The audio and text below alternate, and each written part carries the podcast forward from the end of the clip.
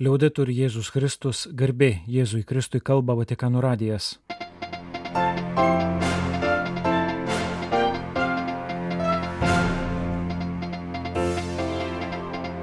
Malonus klausytojai šioje programoje.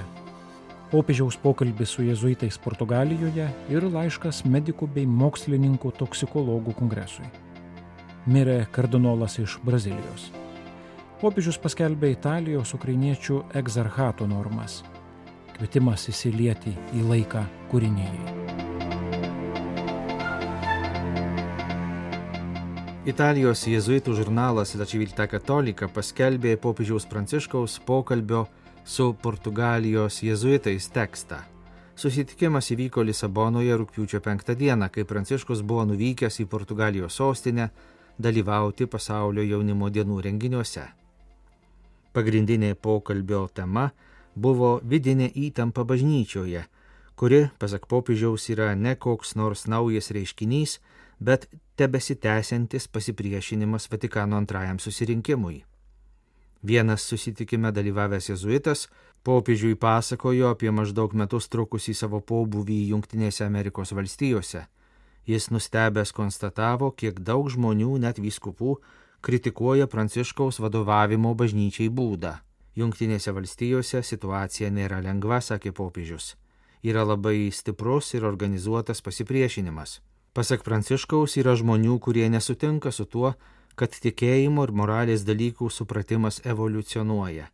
Kaip pavyzdį jis pateikė požiūrį į mirties bausmę, kuri anksčiau buvo laikoma priimtina ir pateisinama, o šiandien visiškai ne.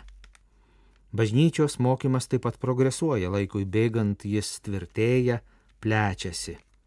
Požiūris į bažnyčios doktriną kaip į monolitą yra klaidingas.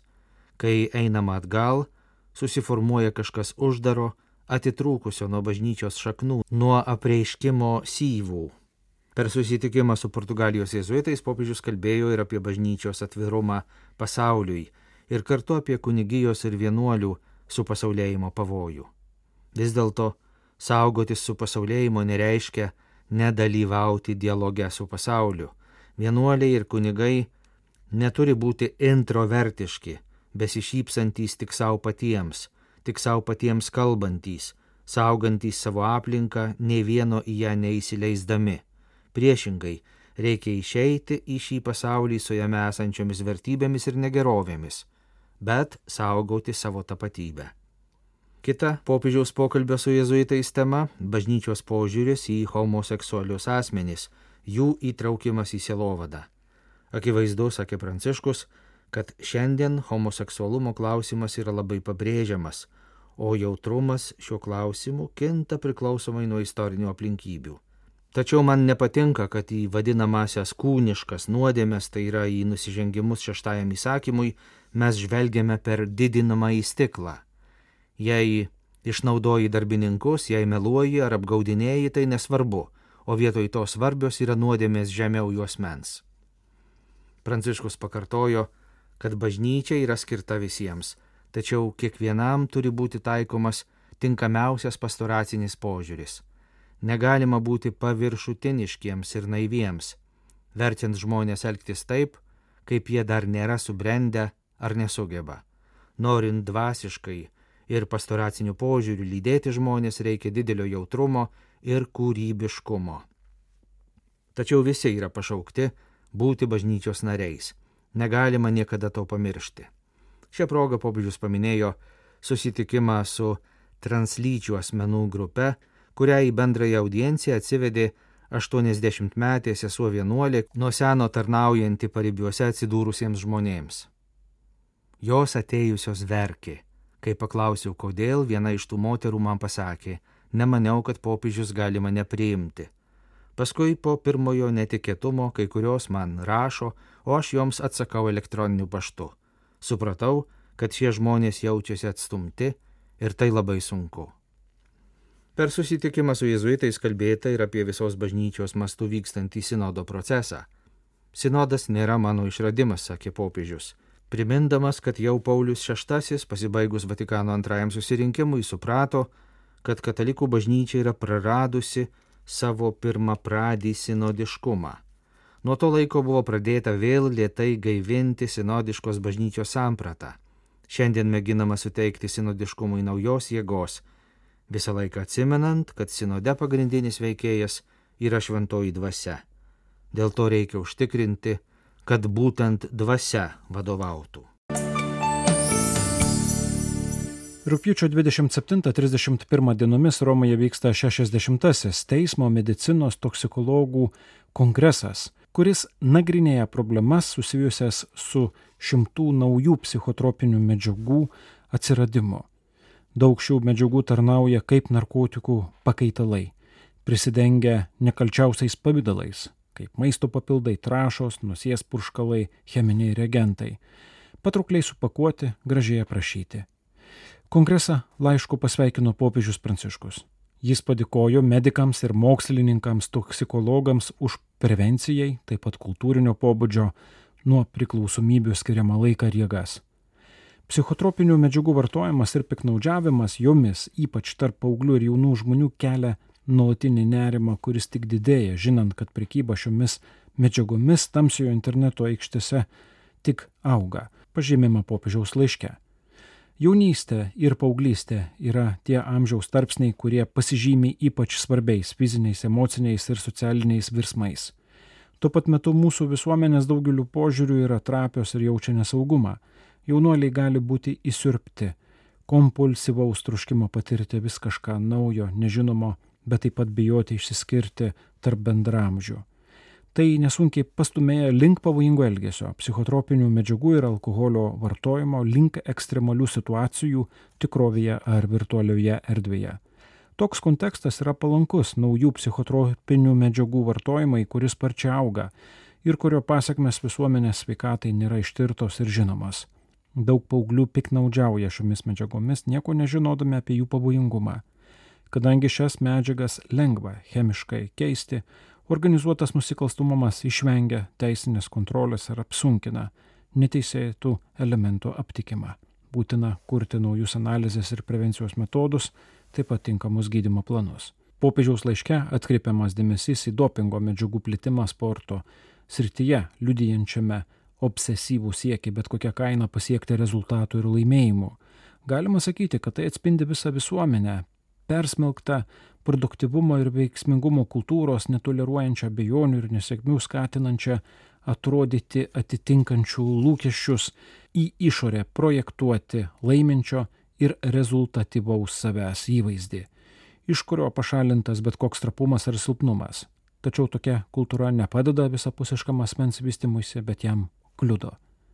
Daug jaunų žmonių sutrikusių ir be atskaitos taškų patikė iliuziją kad narkotikų vartojimas leis nejusti nerimo ir prasmės tokos, bet tokia apsikvaišinimo, vengiančio priimti gyvenimo ir egzistencijos iššūkį, prisidengiančio prasiblaškimo ir linksmybės kraiste viltis yra tuščia. Be to už priklausomybių dažnai slypi išgyvenimai, vienatvės, neligybės, atskirties, integracijos tokos istorijos. Pasak popiežiaus, susidūrę su tokiamis situacijomis neturime likti abejingi. Viešpats sustojo prie kenčiančių, guodė ir gydė jų žaizdas. Panašiai elgtis esame kviečiami ir mes. Gydytojams ir mokslininkams, toksikologams rašo popiežius, linkėdamas, kad jų darbas leistų įveikti kvaišalų rykštę ir padrasinti tuos, kurie prarado motyvus gyventi. Šeštadienį, rūpiučio 26-ąją, mirė buvęs Brazilijos Salvadoro arkivyskupas kardinolas Geraldo Maželė Agnelio. Popiežius Pranciškus pasiuntė užuojautos telegrafą dabartiniam Salvadoro arkivyskupui, patikino, kad kartu su visa vietos tikinčiųjų bendruomenė gedi dėl daug gero nuveikusio ganytojo mirties. Geraldo Mažela Agnelo gimė 1933 metais Brazilijos pietuose, baigė San Paulo kunigų seminariją, 1957-aisiais jis buvo išvendintas kunigu. Po to tęsė teologijos ir liturgijos studijas popiežiškajame Šventojo Anzelmo universitete Romoje ir 1969 metais įgyjo daktaro laipsnį. Studijuodamas Romoje jis buvo Vatikano radio Brazilų redakcijos bendradarbis. Grįžęs į Braziliją dėstė liturgiją ir sakramentų teologiją San Paulo kunigų seminarijoje. 1978 metais popiežius Paulius VI kuniga Geraldo Mažela Agnelo paskyrė Toledo vyskupų Brazilijos pietuose. Po ketverių metų popiežius Jonas Paulius II jį paskyrė Londrinos arkivyskupu irgi šalies pietuose. 1991 jis buvo pakviestas į Romą ir jam buvo patikėtos Dievo kulto ir sakramentų tvarkos kongregacijos sekretoriaus pareigos. 1999 jis buvo paskirtas Brazilijos šiaurės rytuose esančios Salvadoro arkivyskupijos vadovu. Pagal tradiciją šios vyskupijos ganytojams priklauso Brazilijos primo titulas. Per 2001 m. vasario 21 d. vykusią konsistoriją arkivyskupas Geraldo Mažela Agnelo tapo kardinolų kolegijos nariu. Mirus kardinolui Mažela Agnelo, kardinolų kolegijai dabar priklauso 221 narys, 47 paskirti Jono Pauliaus II, 64 Benedikto, 110 Pranciškaus. Tarp jų yra 120 kardinolų turinčių teisę dalyvauti konklavoje. Popiežius Pranciškus nustatė taisyklės, kurių turi laikytis prieš ketverius metus Italijoje įkurtas Ukrainos graikų apieigų katalikų bažnyčios egzarchatas. Šios Italijoje gyvenančių ukrainiečių vietinės bažnyčios veikimo normos skelbiamos rytų bažnyčių dikasterijos prefektui suteiktos popiežiaus audiencijos reskripte. Dikasterijos paskelbtame dokumente visų pirma nurodoma, kad šis egzarchatas yra Dievo tautos dalis, kurią sudaro Italijoje gyvenantys tikintieji priklausantys Ukrainos graikų apieigų katalikų bažnyčiai. Egzarchas yra Italijos vyskupų konferencijos narys, todėl jis privalo laikytis jos taisyklių ir direktyvų, palaikyti glaudžius ryšius su Italijos vyskupais ir su jais koordinuoti savo veiklą. Egzarchas gali steigti ukrainiečių parapijas, gavęs vietos vyskupų pritarimą ir informuodamas rytų bažnyčių dikasteriją. Egzarchas taip pat gali steigti naujus pašvestojo gyvenimo institutus ir apaštališkojo gyvenimo draugijas, gavęs rytų bažnyčių dikasterijos leidimą. Reskripte nurodoma, kad egzarchatui priklausantys dvasininkai turi puoselėti vienybės ir bendradarbiavimo ryšius su vyskupijos kurios teritorijoje vykdo savo tarnystę dvasininkyje. Nuo rugsėjo 1 iki spalio 4 pasaulio krikščionys yra kviečiami švęsti kūrinijos laiką. Dažnai krikščioniškas gyvenimas yra pribojamas požiūriu į save, į artimą ir visuomenę, į Dievą. Tačiau žmogaus veiklai ėmus radikaliai keisti planetos veidą, prieš keliasdešimt metų užgimė ir pirmieji krikščioniški judėjimai, kurie pradėjo kalbėti apie rodos pamirštą, bet į apreiškimą įaustą matmenį, pagarbą kūrinėjai ir atsakomybę už ją kiekvienos gyvos būtybės gyvybinę aplinką. Šis samoningumas visų pirma išryškėjo paskiruose bažnyčiose ir ekumeniniuose ratuose, išsiskiria 1989 Konstantinopolio patriarcho Dimitrijos pirmojo kvietimas visiems ortodoksams rugsėjo pirmąją dieną, kuria prasideda liturginiai metai, pradėti minėti maldos užkūrinėje dieną. Vėliau pasaulio bažnyčių taryba pasiūlė vienos dienos minėjimą paversti iniciatyvomis turtingų kelių savaičių trukmės laikotarpiu, pasibaigiančių spalio ketvirtosios Šventojo Pranciškaus Asižiečio, kurio dvasingumas taip glaudžiai susijęs su meilė kūrinėjai, liturginiu minėjimu. Nors kūrinijos laiko iniciatyvose jau dalyvavo įvairūs katalikiški rateliai, 2015-aisiais popiežius Pranciškus paragino jį švesti kiekvienoje viskupijoje, kiekvienoje parapijoje, nes, kaip pažymima tų pačių metų enciklikoje Laudatus į apie mūsų bendrus namus, mes esame nepasirinktinai, o neatsiejama bendra atsakomybė susėti tarpusavyje ir su kūrinyje. Europos katalikų biskupų konferencijų taryba kuriai šiuo metu pirmininkauja Vilniaus arkivyskupas Gintaras Grušas, ir Europos bažnyčių taryba, kuriai vadovauja Birželį Talinė išrinktas graikų ortodoksų arkivyskupas Nikitas, Rūpiučio 25-ąją paskelbė bendrą kvietimą minėti šių metų kūrinijos laiką, kurio pagrindinė tema - tegul teka teisingumas ir taika, perfrazuoja pranašo Amoso žodžius. Tegul teka teisė lig vandenis, o teisingumas tarsi amžina versmė.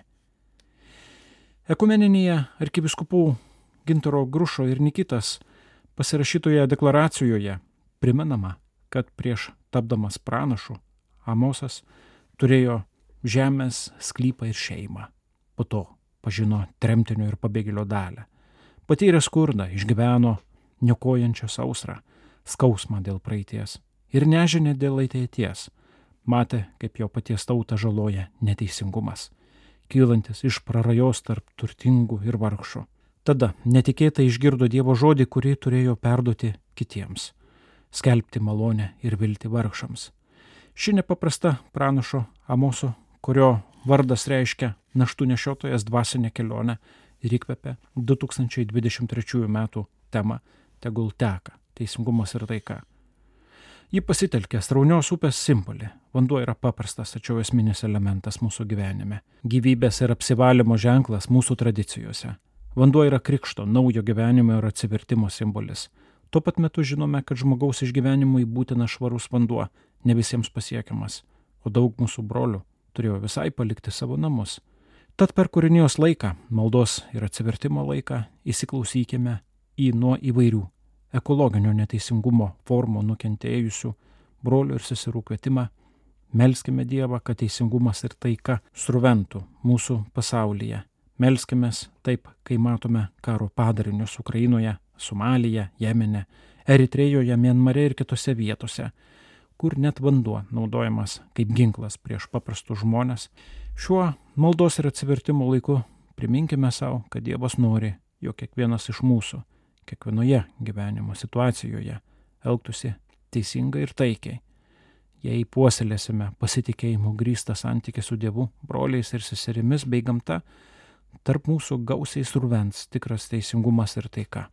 Pažymima deklaracijoje kurioje pasaulio lyderiai dar kartą kviečiami ateinančioje klimato konferencijoje COP28 vyksančioje Dubajoje priimti sprendimus pagal Paryžiaus susitarimą, pasinaudoti progą kloti pagrindus teisingesniam ir tvaresniam gyvenimui, pagarbiam kūrinėjai, Dievo dovanai. Prie to gali ir turi prisidėti kiekvienas.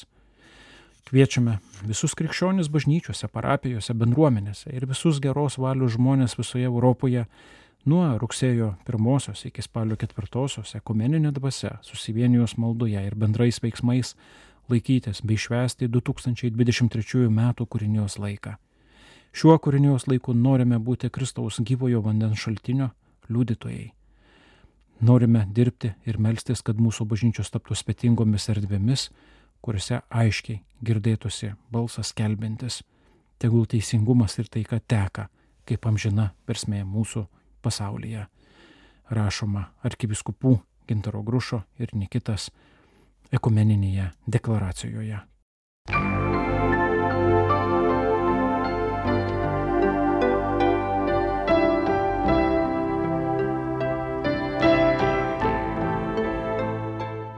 Malonus klausytojai laidą lietuvių kalbą baigiame. Kalba Vatikano radijas. Garbė Jėzui Kristui, liaudai turi Jėzus Kristus.